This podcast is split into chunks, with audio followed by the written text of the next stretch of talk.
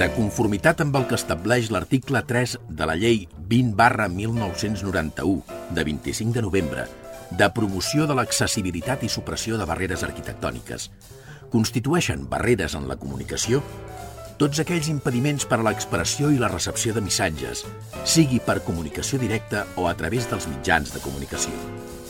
És per això que, emparant-nos en aquesta llei, volem que cada ciutadà gaudeixi del seu propi espai per moure's.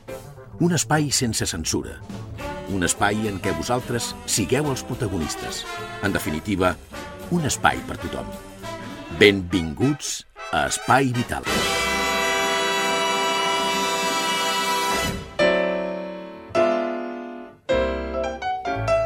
Senyores, senyors, bon dia, què tal, com estan? Benvinguts, ben trobats a la sintonia d'Espai Vital. Teresa Diviu, Alfredo Ángel Cano, eh, Jordi Puy, el control tècnic, i un servidor, el Xavi Casas, us faran passar, com cada setmana, una horeta entretinguda per parlar de salut i de discapacitat. Si voleu posar-vos en contacte amb nosaltres, teniu un correu electrònic. És radioespaivital arroba telefònica.net. Repetim, radioespaivital arroba telefònica.net. I ara amb 3, 2 o 1, comencem el programa d'avui. Això és Espai Vital.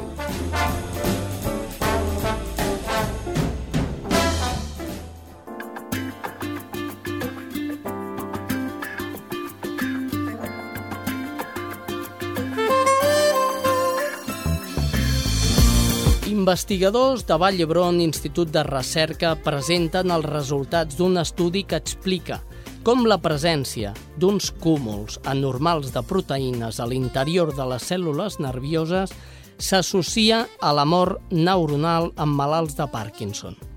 Aquesta investigació planteja també a nivell experimental una nova estratègia terapèutica que es podria aplicar potencialment tot i que no de manera immediata el tractament d'aquesta malaltia actualment és incurable. Doctor Jordi Bové, investigador de l'Institut de Recerca Vall d'Hebron, bon dia. Bon dia. Doctor Bové, eh, en quin moment ens trobem de la investigació d'una malaltia eh, tan comú com és el Parkinson? Bé, evidentment eh, s'han fet molts passos endavant eh, els darrers anys, eh, ja sigui tant a nivell del tractament sintomatològic, com cada vegada a comprendre més el per què les neurones eh, moren. No? Eh, com molts de vostès deuen saber, doncs, la malaltia de Parkinson és una malaltia neurodegenerativa que el que significa és que hi ha una mort neuronal en una zona concreta del cervell. Doncs eh, actualment ens trobem amb, amb, en que cada vegada més grups eh, estan aproximant més a entendre el per què aquestes neurones es moren. És a dir, la malaltia del Parkinson eh, eh, ve perquè se'ns moren neurones o, o per què ens ve la malaltia del Parkinson? Sí, eh, la malaltia de Parkinson és, és, és una malaltia d'origen desconegut, eh, no se sap per què passa, però el que sí que sabem molt clar és que el que es produeix és una mort de les neurones en una zona concreta que es diu substància negra compacta i aquest tipus de neurones són les neurones dopaminèrgiques i al morir-se aquestes neurones el que passa és que hi ha una disminució d'un neurotransmissor que s'anomena dopamina. Ah, molt bé. La manca de dopamina és eh, la impossibilitat de les neurones de transmitir eh, el missatge del cervell a les extremitats, no? Correcte, correcte. Llavors, el, el tractament que hi ha actualment, eh, el que fa sobretot el tractament és a nivell sintomatològic, és a dir, només tracta la sintomatologia, no l'atura. I el que fa el tractament, el que fa és intentar restablir aquests nivells de dopamina. Ahà. Eh, I vostès què és el que han trobat exactament eh, eh, pel tractament d'aquesta malaltia? Bé, eh, abans m'agradaria potser fer una petita introducció no?, per entendre una mica i contextualitzar el que nosaltres hem trobat. Una de les característiques de la malaltia de Parkinson és la presència del que s'anomena cossos de Levi.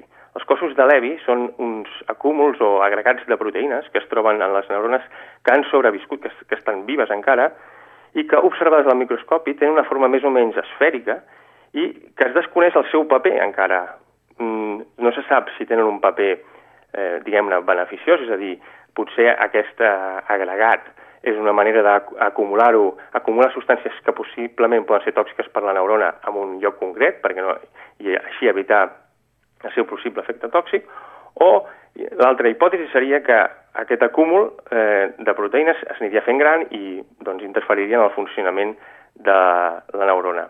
Però, independentment d'això, nosaltres creiem que intentant entendre com es, formara, com es formaven aquests cossos de Levi o aquests acúmuls de proteïnes, ens podria donar pistes de com i per què moria la neurona, i de fet ha sigut així. Eh, el, el, el que posava en evidència la presència d'aquest acúmul de proteïnes o cossos de Levi és que d'alguna manera els sistemes de degradació i reciclatge de les proteïnes no estaven fent bé la seva feina, ja sigui perquè s'incrementava la quantitat de substàncies a degradar i per tant els sistemes de degradació es saturaven i o perquè algun dels sistemes de degradació estaven danyats. Eh, llavors, el que nosaltres hem demostrat és que el que realment està passant és que un dels sistemes de degradació està alterat. I això pot tenir, i té, conseqüències fatals per a la neurona, perquè, entre altres coses, no elimina substàncies potencialment tòxiques per a la neurona i no permet el reciclatge o el reprofitament dels components de la cèl·lula que necessiten ser renovats. Llavors, el sistema que hem vist que està alterat en la malaltia de Parkinson és el sistema constituït pels lisosomes. Què són els lisosomes? Els lisosomes són orgànuls, orgànuls de la cèl·lula que tenen la funció de degradar tant proteïnes com altres orgànuls danyats, és a dir, qualsevol dels components de la maquinària de la cèl·lula necessaris pel seu bon funcionament. Perquè la, la gent ens entengui. Una mica seria com l'estómac de les persones, que ens ajuda a digerir, doncs, en comptes de tenir un sol estómac, la cèl·lula en té centenars. Llavors, això el que faria eh, és, diguem-ne, mm, funciona com a centre de, de desballestament d'un cotxe, per exemple, no? es reciclen les peces, doncs això és el que fan els lisosomes. Eh, el que nosaltres hem trobat és que el número de lisosomes en les neurones de malalts de Parkinsons està clarament disminuït. I això explicaria, en part, per què les neurones acaben morint i en la malaltia, eh, per què acaben morint en la malaltia de Parkinson. Això vol dir que eh, masses lisosomes, per entendre'ns, per netejar la cèl·lula o perquè les proteïnes es netegessin. Exacte, exacte. El que està passant aquí és que eh, hi ha una mancança de la, de, de la maquinària o, diguem-ne, dels camions d'escombraries, de, per dir-ho simple, de la cèl·lula. I, per tant, això faria que s'acumulessin eh, substàncies tòxiques i que no es, permet, es permetessin renovar els components de la, de la neurona.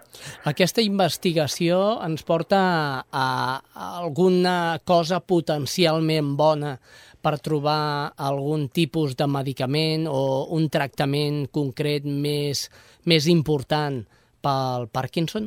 Sí, bueno, eh, nosaltres, eh, clar, amb l'ús de models animals de la malaltia de Parkinson i també amb cultius cel cel·lulars, eh, ens ha permès començar a entendre el per què això està passant, eh, aquesta disminució del número de lisosomes, i encara millor ens ha permès demostrar que restablir el número de lisosomes té un efecte neuroprotector en aquests eh, sistemes experimentals. Per tant, hem definit una possible nova estratègia terapèutica per aturar la mort neuronal en la malaltia de Parkinson, l'eficàcia de la qual encara resta per demostrar. En altres paraules, el que funciona en els models experimentals de la malaltia no necessàriament ha de funcionar en els pacients. Per lo que el tractament eh, ha de ser ara mateix a, un, a mig llarg plaç per trobar alguna solució per no tenir tan, tanta brossa dintre de la cèl·lula. Eh, exacte, exacte. Nosaltres el que hem demostrat, eh, mm, el que hem fet és incrementar eh, eh, amb cultius cel·lulars, eh, el que hem fet és incrementar, mitjançant teràpia gènica, hem incrementat una de les proteïnes que es coneix que orquestra la producció de nous lisosomes, i per altra banda, en, en ratolins, el que, en ratolins en els quals induïm Parkinson, hem aconseguit també incrementar el número de lisosomes amb, amb un fàrmac que s'utilitza normalment per, per evitar el rebuig en trasplantaments i en cert tipus de càncers, que fins ara es desconeixia que tingués aquest efecte d'incrementar la producció dels nous lisosomes. Doncs el que hem demostrat és que l'administració d'aquest fàrmac, anomenat rapamicina, en els ratolins, preservava les neurones enfront de la mort neuronal. Per tant, entre altres coses, els nostres resultats donen la base suficient per realitzar assaigs clínics amb la rapamicina o fàrmacs sim similars per provar l'eficàcia en malalts de Parkinson. Ara bé, s'ha de tenir en compte que la rapamicina és un immunosupressor i que, per tant, incrementa substancialment la susceptibilitat a patir, a patir infeccions, a part d'altres efectes adversos que en alguns casos poden ser greus. A més, no sabem quant de temps s'hauria de donar el medicament, si s'hauria de donar de per vida, etc. Per tant, l'ideal seria emprar fàrmacs similars a la rapamicina, però amb menys efectes secundaris o d'altres eh, completament nous que tinguessin la capacitat d'incrementar el número de lisosomes i, per tant, la capacitat de degradació i reciclatge de la cèl·lula. A veure, senyors, no pateixin. Eh, no és una solució immediata, sinó que això és un punt d'inflexió en el tractament de la malaltia del Parkinson. Hem, hem de tenir esperances d'una nova medicació per d'aquí un temps, no? Bé, eh, jo el que voldria dir, el missatge que voldria fer arribar és que realment s'estan fent passes importants per comprendre el per què es produeix la malaltia de Parkinson i com es moren les neurones de la zona afectada del cervell, i nosaltres hem posat una peça més en aquest trencaclosques i esperem que això es pugui traduir a la llarga en un benefici dels pacients. Ara bé, s'ha de ser prudent perquè no seria la primera vegada que un tractament funciona amb els animals d'experimentació i fracassa en els malalts de Parkinson. Bé, doncs ja, ja ho senten vostès. El doctor Jordi Bové ens ha explicat de, manera, de la manera més planera eh, doctor, que jo, jo entenc que es podia explicar, jo, jo ho he entès i estic segur que tots aquests oients que ja estan escoltant des de casa ho hauran entès. Doctor Jordi Bové, investigador de l'Institut de Recerca Vall d'Hebron, gràcies per la seva aclaració i, i l'animem a seguir investigant i, i a trobar la solució final ja per a aquesta malaltia. Eh, moltes gràcies a vosaltres per convidar-me a poder explicar els nostres resultats i m'agradaria, doncs, ja, ja que a la ràdio normalment la, la gent demana si es pot saludar, jo aprofito a saludar a totes les persones que pateixen la malaltia de Parkinson i també als seus familiars. Molt bé, queda dit. Gràcies, doctor. Moltes gràcies.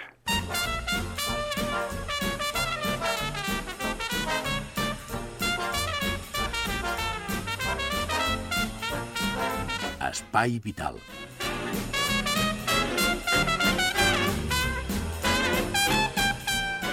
És potser massa aviat per dir-ho, però interessant l'entrevista amb el Jordi Bové sobre el Parkinson. És una malaltia que últimament s'està investigant moltíssim. Millor, perquè escoltaria molt ara... Hi ha molt, molta sí, gent de Parkinson, gent, sí. hi ha altres malalties I que encara... I tantes, l'Alzheimer, esclerosi múltiple... De tot. Eh? Hi ha, hi ha molt. Litus... També, també s'investiga. Sí. Vull dir, cada un mirem per nosaltres, eh? Oh, el litus, l'esclerosi múltiple... A veure, a ver si se espabilan ustedes, investigadores, i nos encuentran algo... I tant. Eh, per nosaltres, eh? Molt bé, escolta, mentre investigadors, investigadors i més investigadors, hem trobat l'investigador poeta per excel·lència. Ell és el Jordi Condal i, com sempre, en fa l'espai el poeta coix.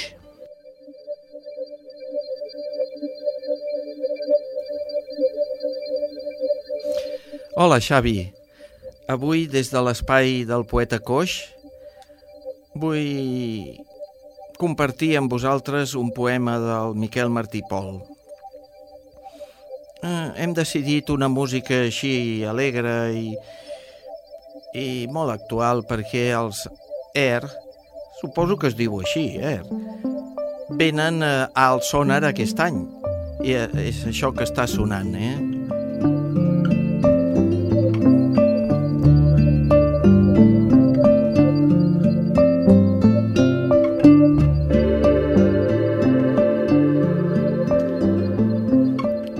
El poema és del Miquel Martí Pol i es diu Metamorfosi 1. De tant en tant, la mort i jo som un.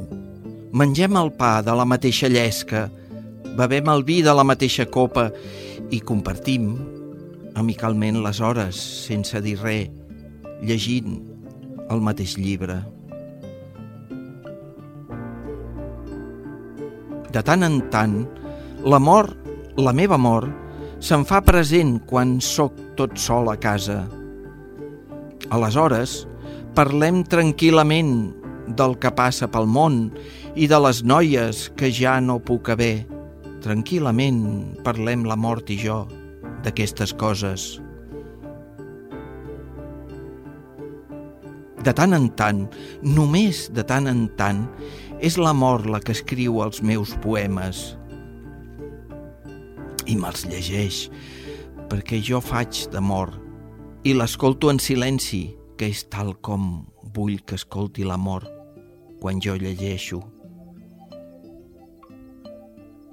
De tant en tant, l'amor i jo som u. La meva amor i jo som u. I el temps s'esfulla lentament i el compartim, l'amor i jo, sense fer escarafalls, dignament, que dirien per entendre'ns. Després, les coses tornen al seu lloc i cadascú reprèn la seva via.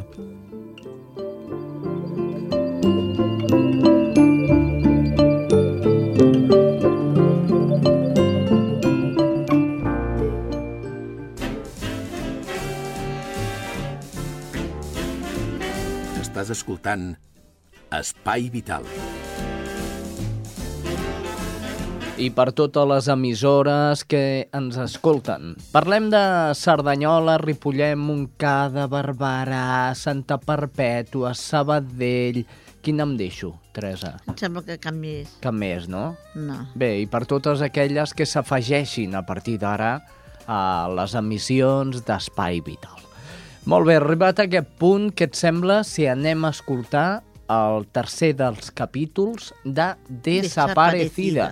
Recordeu que és d'una noia que té una malaltia que es diu sensibilitat química múltiple i que, i que bé, mm, ella ha plasmat en un llibre tot el que ha sentit d'ençà dels primers efectes fins ara que està tomada en un llit per un problema de d'una al·lèrgia que no la deixa moure del llit, però bé, millor sigui que, que ella ens ho expliqui de la veu de Lluïsa Blanca, de la responsable o part integrant del grup de teatre de l'Ateneu de Cerdanyola. Doncs som-hi amb el tercer capítol.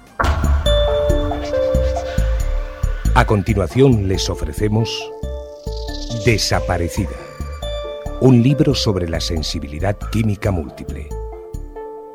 Desaparecida, un libro de Eva Caballé escrito en primera persona y llevado a la radio de la voz de Luisa Blanca con la producción de Spy Vital.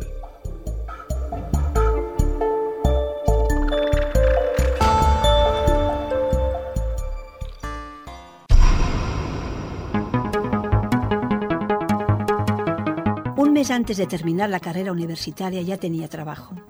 Entonces empezaron los que sin duda han sido los mejores años de mi vida. Mi adolescencia no fue fácil y los años de la universidad fueron muy buenos, pero estaba atada a quien no debía. Salía con un chico inmaduro y celoso, para el que más que una pareja yo era un bastón en el que apoyarse. Pero no soy de las que repite patrones, porque tenía clarísimo que nunca más saldría con alguien así. De hecho, estuve muchos años sola y sin intención alguna de nada serio. Tuve la gran suerte de encontrar un trabajo fantástico, donde a los seis meses ya apreciaron mi valía y me concedieron un generoso aumento de sueldo que me permitió hacer realidad mi gran sueño, irme a vivir sola. A nivel de salud, vivir sola era un arma de doble filo. Por un lado, en mi casa no entraría nunca más ningún alimento que me provocara alergia, pero por otro lado, si algún día tenía una crisis alérgica, no tenía a mi madre cerca para que me la pusiera la inyección de cortisona en el caso de que fuera necesario. Además, por mi alergia al polvo la limpieza tampoco era fácil. Pero nada de esto me acobardó y mi sueño se cumplió. Recuerdo el día en que me trasladé a mi pequeño apartamento en el precioso barrio del Born. Tenía cama, nevera, lavadora y lo más importante, mi equipo de música. Pero no tenía ningún mueble. Me daba igual. Era mi piso. Estuve semanas comiendo sentada en el suelo mientras escuchaba música, sintiéndome feliz, viva, disfrutando de mi libertad. Igual pensaréis que en casa de mis padres no estaba bien o que me tenían muy controlada. Al contrario, allí fui muy feliz. Mis padres siempre han sido una fantástica compañía y un ejemplo a seguir. Nunca me han prohibido nada. Siempre me habían permitido tomar mis propias decisiones y tuve muchísima más libertad que la mayoría de los adolescentes, según sus propias palabras, porque con mis excelentes notas y actitud no podían prohibirme nada. Pero yo quería volar, vivir mi vida. Por eso cambié un precioso y amplio piso con todas las comodidades por un pequeño y viejo apartamento. Entonces el Born aún era un barrio con un encanto especial. La gente suele escoger dónde vivir por proximidad al trabajo, por ser una zona tranquila o con muchos servicios. Yo no. Cuando me fui a vivir sola tenía clarísimo que quería vivir allí, cuando ese barrio aún no había perdido su magia para convertirse en el desfile de modernos y pseudoartistas que ya hace mucho desde hace demasiado tiempo. En esa zona estaba todo lo que yo quería, los bares, la música, mi mejor amiga, incluso el increíble parque de la Ciudadella, sitio perfecto para pasar el poco tiempo libre que tenía leyendo y escuchando música. En esa época trabajaba en Barcelona y siempre que podía iba al gimnasio que tenía al lado de casa, con menos frecuencia de lo que yo hubiese querido, porque parte de mi trabajo implicaba viajar y pasarme semanas enteras en diferentes ciudades españolas. Pero a pesar de todo mi salud siguió complicándose por recomendación de mi alergólogo, fui al dermatólogo para que me hicieran una revisión de los cientos de pecas que cubre mi blanquísima piel, por todo el cuerpo excepto la cara. Era invierno, llevaba un jersey de cuello vuelto que solo dejaba al descubierto mi cara. Llegas tarde, ya me iba. ¿A qué viene la visita? me dijo la dermatóloga cabreada. Siento llegar cinco minutos tarde, pero vengo de trabajar y he venido lo antes posible. Es para que me revise los lunares, porque tengo muchos y me lo han recomendado. Le contesté mientras ella iba mirándose de reojo su reloj. ¿Qué lunares? Yo no veo ninguno. Me contestó aún más alterada, como si le estuviera robando su precioso tiempo. En la cara no, pero tengo el cuerpo lleno, le dije mientras estaba alucinando con su actitud. Bueno, desnúdate, dijo como si me hiciera un favor. Me quité toda la ropa en la camilla que había detrás de una cortina y cuando ella vino exclamó, ¿Cuántas pecas tienes? Por la piel de tu cara nunca lo hubiera dicho. Esto hay que controlarlo muy de cerca y con esta piel tan blanca te prohíbo totalmente que tomes el sol, respondió taxativamente. Me tuve que morder la lengua para no decirle lo que pensaba. Encontró dos pecas con mala pinta y me mandó al cirujano para quitarlas. Este se negó, porque una estaba en el pecho y la otra en la espalda, y literalmente dijo, ¿y esta doctora qué piensa? ¿Que vas a dormir de perfil? Solo te quito la del pecho porque la otra ni me parece que esté mal. Qué tranquilidad para el paciente ver que no se ponen de acuerdo con el diagnóstico y además se pelean entre ellos. Llegó el día y me extirparon la peca. Estaba muy tranquila y tenía planes al salir, porque había cogido dos días de vacaciones. Por suerte me acompañó mi madre, porque una vez quitada la peca me empecé a marear. No respiraba bien y las piernas me fallaban. El cirujano se marchó, ya que era su hora, y las enfermeras se me quitaron de encima alegando que yo era una histérica y mi madre me sobreprotegía. Pobre. Siempre le acusan de lo mismo. Cuando solo quien tenga un hijo con alergias al que haya visto al borde de la muerte varias veces puede entender lo duro que es. Salí de allí y obviamente acabé en urgencias, con una bajada de azúcar que me hubiera podido costar la vida. Cuando se lo comenté a mi alergólogo, me dijo que podía ser una reacción alérgica al anestésico local. Me hizo las pruebas y así fue. Tenía alergia a dos de los tres anestésicos. Genial, pensé. Ahora alergia a medicamentos. Era lo único que me faltaba. Tenía tanta rabia por el maltrato que había recibido que me dieron ganas de llevar el informe a las simpáticas enfermeras que me acusaron de histérica, sin conocerme de nada. Cuando hacer diagnósticos psicológicos no es su trabajo. Por suerte la biopsia salió bien y me olvidé del tema.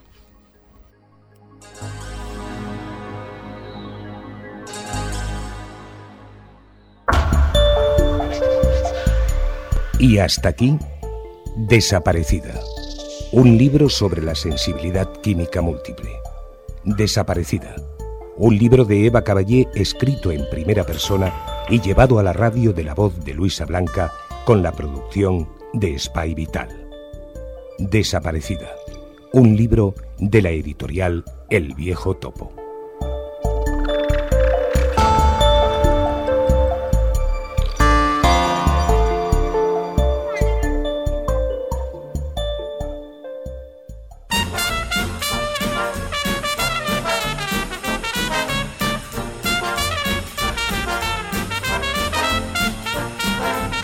Espai Vital.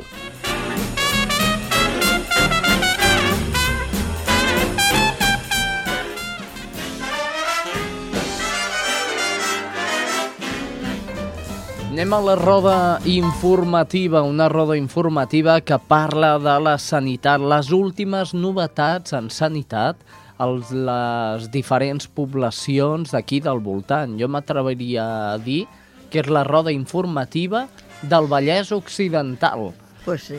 Doncs comencem. A Cerdanyola, allà es troba la Mònica González. Bon dia. Molt bon dia, Xavi, des de Cerdanyola Ràdio. Avui us informem donar notícia de caire solidari perquè el menjador solidari dels amics de Josep en Rossell podria obrir per Sant Martí. La Casa del carrer Les Vinyes, una de les anomenades Cases dels Mestres, cedida per acollir el menjador solidari impulsat per l'Associació de Persones Amigues de Josep Rossell, ja està pràcticament enllestida i podria començar a funcionar el mes vinent. Segons indiquen els seus impulsors, l'obertura es preveu coincidint amb les festes de Sant Martí, tot i que si finalment no està preparat, per aquesta data s'inaugurarà a finals de novembre. L'adaptació de la casa està ultimada amb la millora de la instal·lació elèctrica que s'ha iniciat aquesta mateixa setmana. Jaume Costa i Josep Castanyer, membres de l'entitat, indiquen que inicialment el menjador donarà servei a 8 persones, però l'objectiu és que, passat un període de rodatge, atendran a dos torns de 16 persones, un a les 12 i altres a la una del migdia. El menjador funcionaria de dilluns a divendres i estaria coordinat conjuntament amb la Creu Roja, Caritas Parroquial i l'Església Evangèlica, que serien les entitats que podrien derivar persones al servei. L'associació també s'està posant en contacte amb restaurants i serveis de catering dels menjadors escolars per accedir a possibles excedents i s'ha posat en contacte amb comerços i altres associacions per buscar col·laboracions. Els membres de l'associació expliquen que hi haurà un servei de voluntaris important per atendre les necessitats del menjador. Així s'han establert sis equips de cuina per treballar cada dia i 33 persones han fet un curs de manipulació d'aliments. I això és tot des de Cerdanyola Ràdio. Molt bon dia. Gràcies, Mònica González, i de Cerdanyola cap a Ripollet. Allà es troba la responsable d'informatius, Reme Herrera. Salutacions des de Ripollet Ràdio. La Comissió en Memòria de les Víctimes del Feixisme de Ripollet ha informat que el proper diumenge 24 d'octubre els soldats morts durant els 115 dies de la Batalla de l'Ebre, entre ells alguns ripolletencs, rebran un homenatge institucional per part de la Generalitat de Catalunya al Memorial de les Camposines, lloc estratègic durant la batalla a prop de Corbera d'Ebre. A l'acte s'inaugurarà una placa amb els noms de més d'un miler de víctimes d'aquesta batalla morts o desapareguts. Entre aquests noms figuraran els d'alguns soldats de Ripollet, dels quals les seves famílies van sol·licitar informació mitjançant la comissió al Servei de la Recerca de Morts i Desapareguts durant la Guerra Civil de la Generalitat de Catalunya. Molts ciutadans de Ripollet van morir o desaparèixer a l'Ebre el 1938. La batalla va començar la matinada del 25 de juliol i es va perllongar fins al 16 de novembre. Els historiadors encara no s'han posat d'acord amb el nombre de víctimes. L'Exèrcit Popular de la República parla de 30.000 morts, mentre que l'exèrcit feixista parla de 6.500 i d'altres eleven el total de víctimes fins als 130.000. Sigui com sigui el nombre de caiguts, el proper diumenge seran homenatjats per la Generalitat de Catalunya. I això és tot per avui, fins la setmana vinent. Gràcies, Rem Herrera. Des de Ripollet Ràdio anem cap a Montcada. Allà es troba la Sílvia Alquézar. Hola, salutacions des de Montcada, l'Espai Vital. Fins al 7 de novembre, l'Espai Cursal de Can Sant Joan acull la mostra de pintures Expoart dels usuaris de l'Associació de Familiars de Malalts Mentals de Cerdanyola, Montcada, Ripollet i Badia. La mostra s'inclou en el programa d'activitats que s'estan fent al municipi amb motiu del Dia de la Salut Mental que es va commemorar el 10 d'octubre.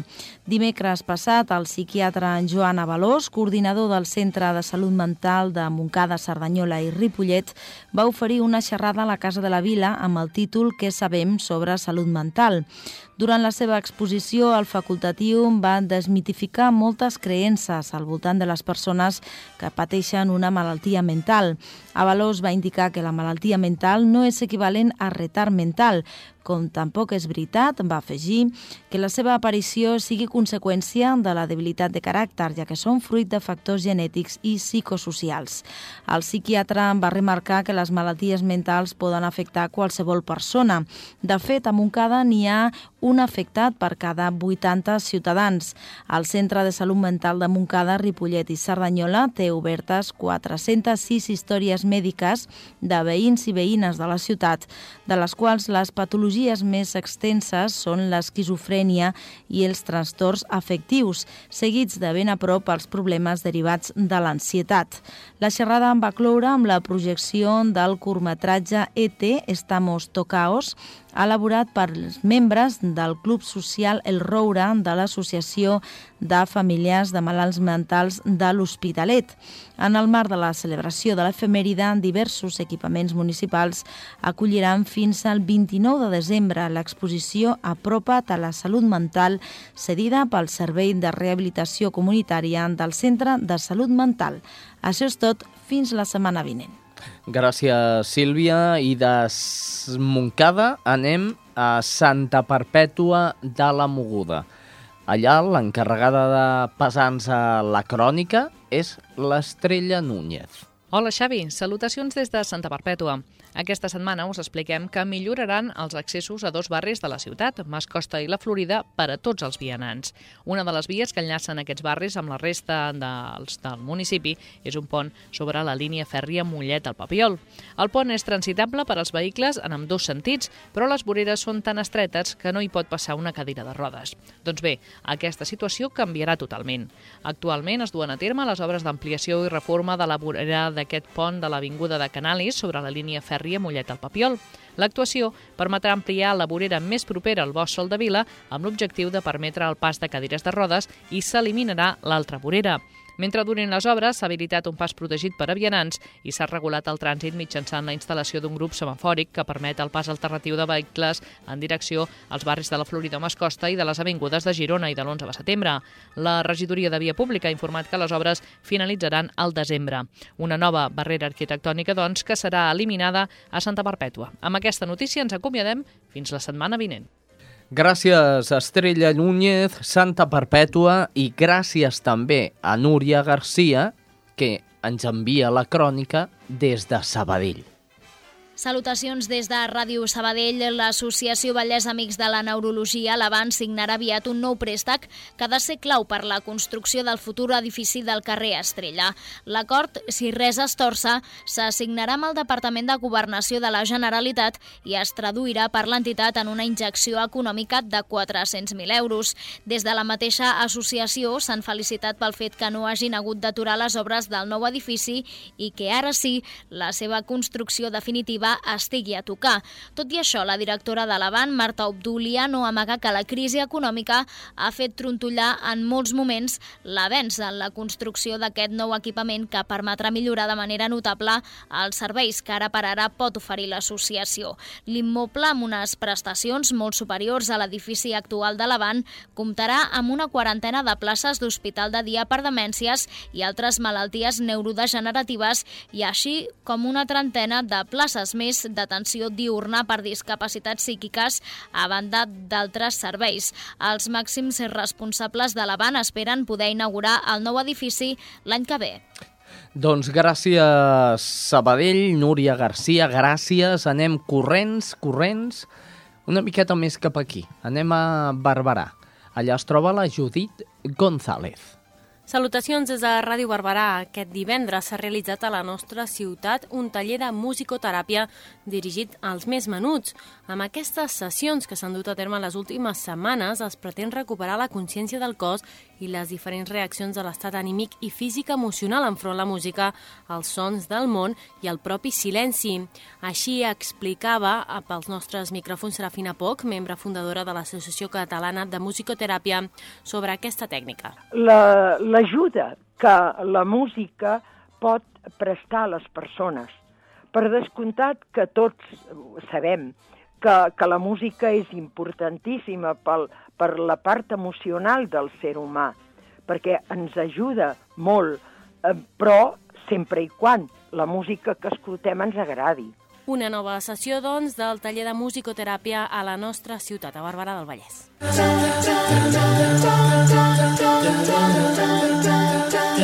I tu? Des d'on ens escoltes?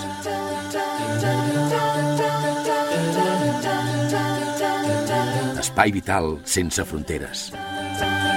Just a small town Molt bé, doncs eh, arriba el moment de la cuina. I qui cuina? La nostra Teresa, la nostra cuina adaptada. Teresa, hola, eh? Hola. Eh, que amb tot el programa quasi bé no ens hem dit res, eh? No, jo m'estic adormint i el menjar s'està agafant. Molt bé, quin plat ens portes avui? Pues, com que és el temps ara dels rovellons, sí. Rovellons amb botifarra. Doncs vinga, rovellons amb botifarra de la Teresa Diviu. Un plat força adaptat. Bueno, botifarra... Si és que m'ho fet tan trinxat i hem fet botifarres de la meva... A veure, els ingredients... Ingredients. Una botifarra. Botifarra, Mm, pues posem mig quilo, sí, mm, mig quilo també de rovellons, sí. Oli, Mm, sal, all i olivert trinxat, que ja n'hi ha d'aquells... Els congelats n'hi han de trinxat uns daus i ja els teniu trinxats. ahà. Ara, si voleu trinxar-ho, ja ho sabeu, all i julivert, i ja està. Molt bé. I un rajolí de conyac. Vinga, doncs, eh, preparació. Preparació. Posem la paella al foc, bueno, rentem els, primer triem els rovellons. Sí. Els rentem només una mica, perquè diuen que massa no pot ser que se li marxa el gust. Si us podeu raspallar per sobre que marxi la pi- pinassa, doncs encara millor si no el renteu. Mhm. Això m'ho han consultat la meva filla, que, que coses aquestes, diu que va molt bé no rentar-ho gaire. Ahà. Els posem, doncs ja els teniu preparats en la paella al foc. Molt bé. Amb oli i els poseu tots de panxa avall, amb les cabotes amunt. I poseu la sal per sobre i la botifarra. La botifarra la poseu doncs, allà a sobre, sencera, Que es fregeixi junt tot, tot no? junt, sí. Molt bé. Mm. Ho tapeu Sí. i que es vagi fent en foc lent. En tant en tant gireu el, els rovellons, Mm. al cap d'un rato allò que hagi passat allò mitja horeta, doncs la botifarra la gireu. Sí. I quan la gireu ja veureu que s'haurà inflat. Mm. I en quan la punxeu, que tregui tot el suc. I així tot el suc dels rovellons i de la botifarra doncs queda un suc molt bo. Com veieu que quasi bé ja està, després hi tireu l'all i julivert per sobre. I si voleu un rajolí de conyac, que tingui més suquet per si us ha quedat ja sec.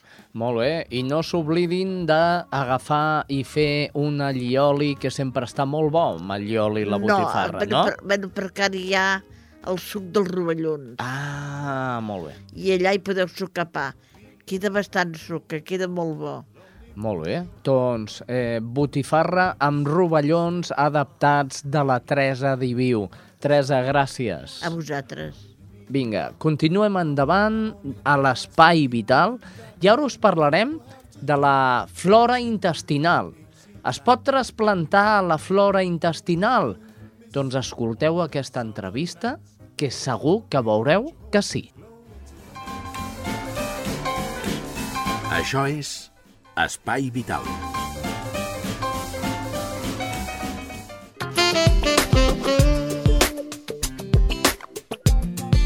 El trasplantament de flora intestinal obre noves expectatives per al tractament de malalties metabòliques i trastorns digestius. Per conèixer una miqueta més aquesta investigació, que de fet ha estat l'Institut de Recerca de Vall tenim a l'altre costat de la línia telefònica el responsable d'aquest estudi. Ell és el doctor Francisco Warner. Ell és responsable del grup d'investigació en fisiologia i fisiopatologia digestiva de Vall d'Hebron Institut de Recerca. Bon dia. Bon dia. Eh, doctor, què vol dir, què és el que han trobat? Bueno, pues um, La història una mica és que estem, estem treballant també en un projecte europeu que està descifrant el codi genètic dels bacteris que viuen uh, al, al budell humà. I amb això hem trobat que uh, hi ha moltes bactèries que fan uh, un servei al, al cos humà en el sentit de que proporcionen nutrició i també regulen uh, la, la funció del sistema immune.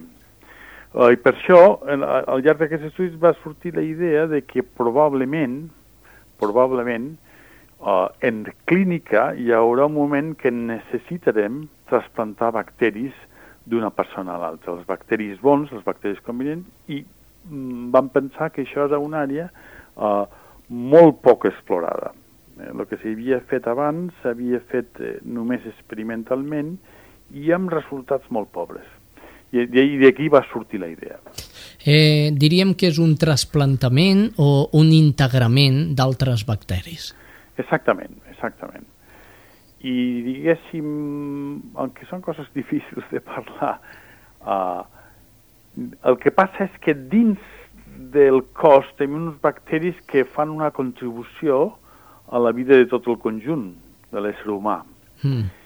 I aquestes bactèries han estat bastant desconegudes. Només hem conegut a les males, a les que a vegades eren capaços d'invadir i de, de produir una malaltia. Però, quan s'han fet estudis en profunditat, s'han vist que les males són menys de l'1 per mil, són molt poques. La majoria de les bacteris que viuen amb nosaltres no invadeixen, perquè són anaeròbies, o sigui que viuen en una atmosfera diferent de la nostra, i uh, no, no, no mengen carn, diguéssim, no són proteolítiques. No? Eh, I llavors, aquestes bacteris han estat molt desconegudes i només recentment s'estan desxifrant un, en el projecte del microbioma humà o en el projecte europeu MetaHit.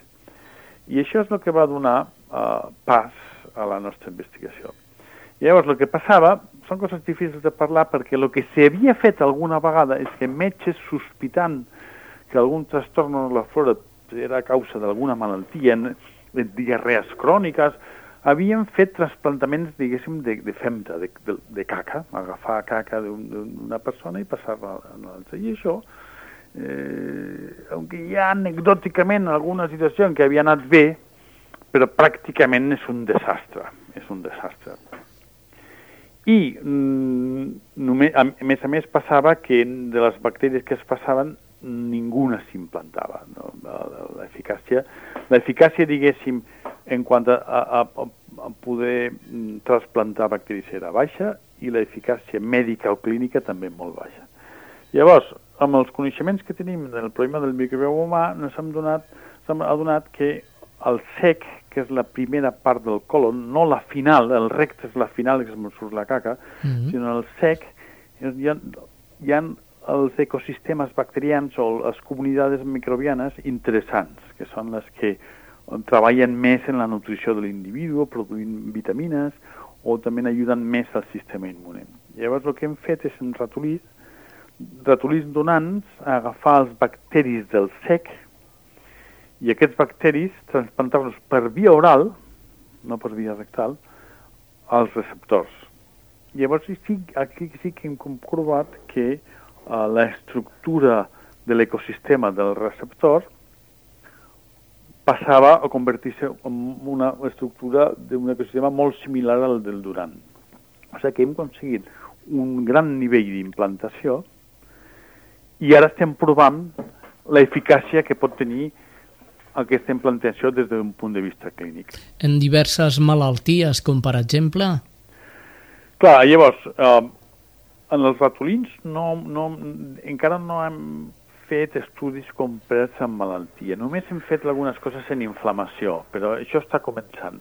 El primer pas era uh, aconseguir, o sigui, aprofitar les bactèries noves i que s'implantessin. O sigui, tenir eficàcia des del punt de vista de que el trasplantament fos, fos estable, no? s'establissés. I això és el que hem, hem estudiat en el primer termini. I en un segon termini provarem en algunes malalties. I aquí ens falta bastant el mapa d'on tenim que arribar. I aquest mapa depèn dels projectes que, que he mencionat abans del microbioma humà. Els projectes del microbioma humà estan estudiant quan seria l'estructura de la microflora normal del budell humà qual, quals són les alteracions que estan associades a malalties. Per exemple, amb el síndrome metabòlic, que és l'obesitat extrema, hi ha unes alteracions en la, en la microflora intestinal, en la diabetes de tipus 2 també, hi ha, en la malaltia de Crohn també, en les diarrees persistents del síndrome intestil irritable també. O sigui, ara estem fent el mapa de quines uh, malalties cròniques estan associades a uh, trastornos o desestructuració de la flora, quines són les bacteris que faltarien, i llavors això ens donarà el mapa de on tenim que anar. Ahà. Doncs, doctor Warner, moltíssimes gràcies per aquesta explicació que crec jo que ha estat molt aclaridora i esperem, sí, perquè conti que eh, en programes d'aquest tipus s'ha de parlar eh, de manera molt clara i popular per tothom del carrer, vull dir, no som metges. I, I això és el que de veritat li agraïm. I, I esperem que segueixin investigant i que trobin aquestes solucions, per exemple, per l'obesitat eh, mòrbida, que hi ha ara mateix un creixement a nivell de, de població que tenen obesitat mòrbida i fins i tot obesitat infantil. Exactament. Ja, i que s'ha de, de tractar i quan més ràpid possible. Exactament. Doncs, doctor Warner, li agraïm moltíssim la seva atenció i ja ens tornarem a trobar quan trobin vostès més investigacions. Moltíssimes gràcies. Gràcies a vostè.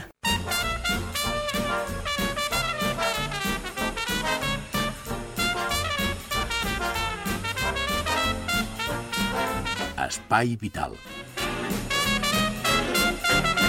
I en aquest moment eh, hauríem d'entrar al nostre gran amic Alfredo Ángel Cano Toledo de Todos los Santos i Amigos i té, eh?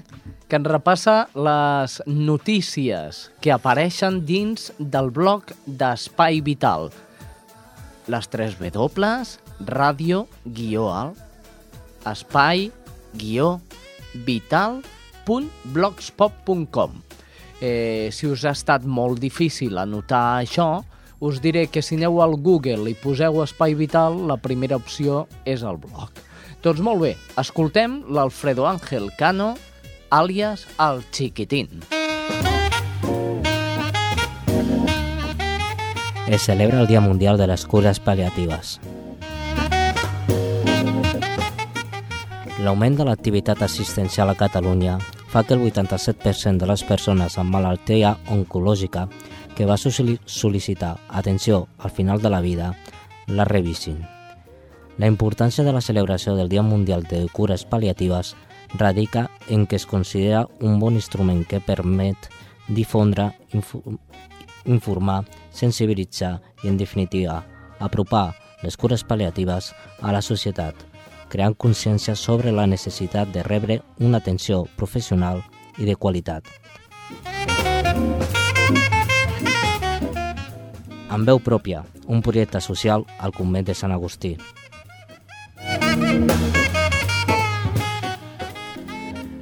El convent de Sant Agustí acull del 8 al 29 d'octubre l'exposició Amb veu pròpia, un projecte impulsat per crear foto, un taller de fotografia que es va realitzar durant quatre mesos amb persones amb discapacitat derivada de malalties mentals i que resideixen al centre residencial de la Llar de Sant Martí a Barcelona.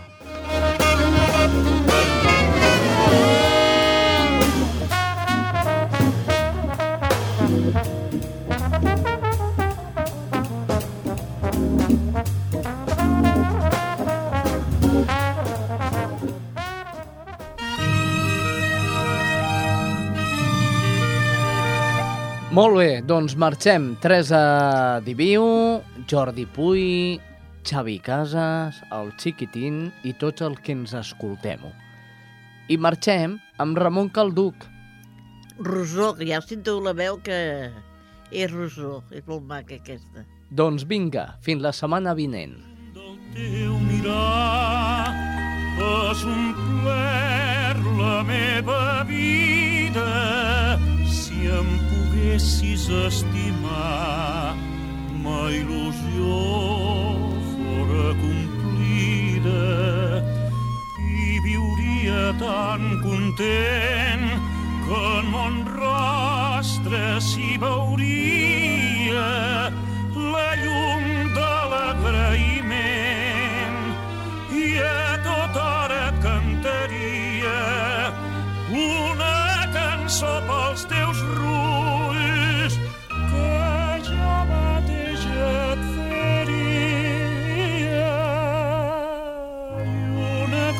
cançó pels teus ulls perquè enmig de tants esculls ells fossin la meva guia.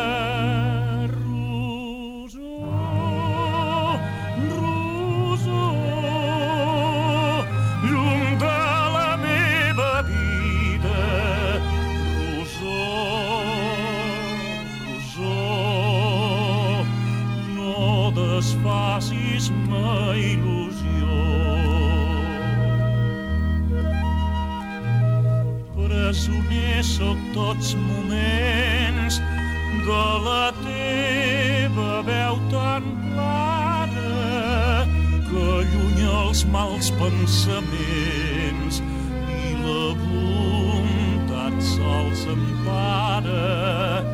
Perquè és fresca i és suau i és un doll de poesia. I s'assemblen al cel blau que el cor ens dóna alegria. Doncs ja que em tens presoner un dia i un altre dia. I jo m'hi trobo tan bé Roser, la meva Roser. Vulgues fer-me compañía.